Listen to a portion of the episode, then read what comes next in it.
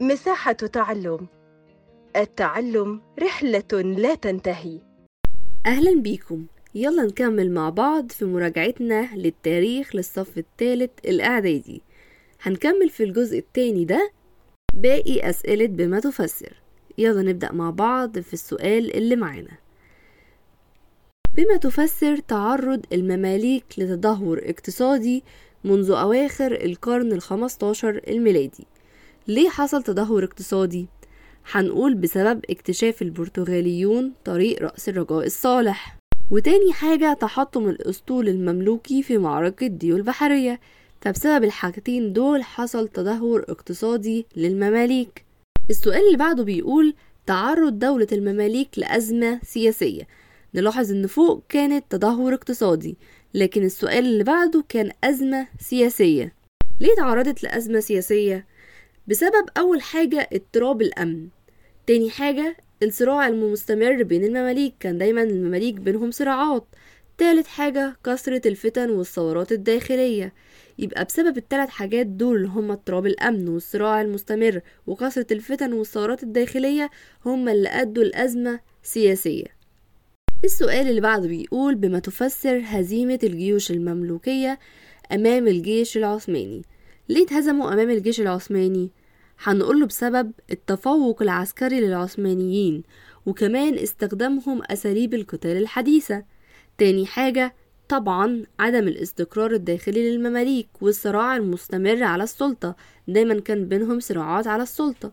يبقى بسبب الحاجتين دول اتهزموا أمام الجيش العثماني.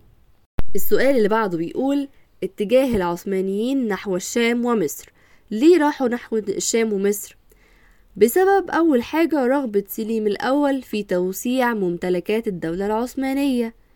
تاني حاجة إن هو أدرك سليم الأول خطورة التوسع والصدام مع أوروبا لأن أوروبا وقتها كانت متفوقة عليهم عسكريا وحضاريا. علشان كده اتجه نحو الشام وأوروبا. ولا الشام ومصر. طبعا الشام ومصر هو مراحش نحو أوروبا. برافو عليكم شاطرين مركزين. السؤال اللي بعد كده بيقول حمل نظام الحكم العثماني في ثناياه عوامل ضعفه. ليه كان نظام الحكم العثماني ضعيف؟ ده بسبب أول حاجة كسر مدة حكم الوالي اللي هي كانت من سنة لثلاث سنين. تاني حاجة زيادة سلطة الديوان والحامية العثمانية. يعني الحامية العثمانية والديوان كانت أصلا سلطتهم أكبر من سلطة الوالي. علشان كده حمل في ثناياه عوامل ضعف. السؤال اللي بعد كده بيقول بما تفسر التدهور الزراعي لمصر في عصر الدولة العثمانية. ليه كان في تدهور زراعي في عصر الدولة العثمانية؟ ده بسبب أول حاجة كثرة الضرائب. كان في ضرائب كتير جدا عليهم. زائد تعسف وظلم الملتزمين في جمعها. يعني غير إن الضرائب كانت كتيرة إن كمان اللي بيلموها وبيجمعوها كانوا ظالمين. تاني حاجة إهمال الحكام شؤون الري بقى وإقامة الجسور وحفر الترع. فكل الأسباب دي أدت لتدهور الزراعة. طب السؤال اللي بعد كده بيقول لنا بما تفسر تدهور الصناعة في مصر في عهد الدولة العثمانية. هقوله بسبب أول حاجة تدهور الزراعة. تاني حاجة إن هو أرسل أمهر الصناع والحرفيين إلى الأستانة فبكده ما بقاش في مصر غير الصناعات اليدوية البسيطة جدا الرديئة كمان. فحصل تدهور في الصناعة. السؤال اللي بعده بيقول فشل حركة علي بيك الكبير. ده بسبب إيه؟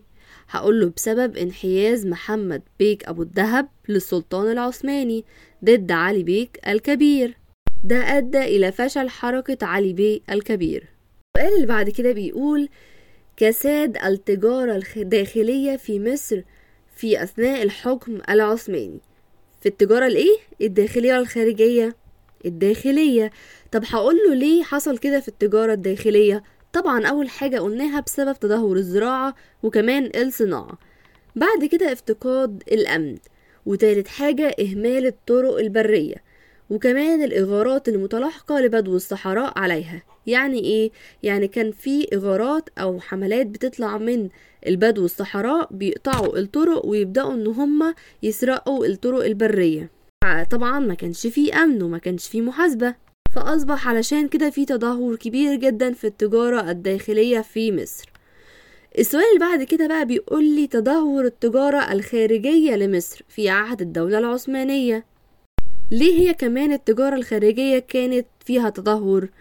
ده بسبب أول حاجة تحول الطريق التجاري بين الشرق والغرب إلى طريق رأس الرجاء الصالح. تاني حاجة الامتيازات الأجنبية التي منحتها الدولة العثمانية للدول الأجنبية. ده خلى إن يكون في تدهور كبير جدا في التجارة الخارجية لمصر. السؤال اللي بعد كده بيقول لنا بما تفسر اتسمت الحياة الفكرية والثقافية في مصر بالجمود والتخلف في ظل الحكم العثماني. يعني مش بس الحياة التجارية بتاعت الناس ولا حتى الصناعة ولا الزراعة لا كمان الحياة الفكرية والثقافية في عصر الحكم العثماني كان فيها تخلف. ده بسبب إيه؟ ده بسبب العزلة التي فرضها العثمانيون على مصر فخلاهم إن هما ما عندهمش أي ثقافة أو حياة فكرية. فالعزلة دي هي اللي أدت لكده.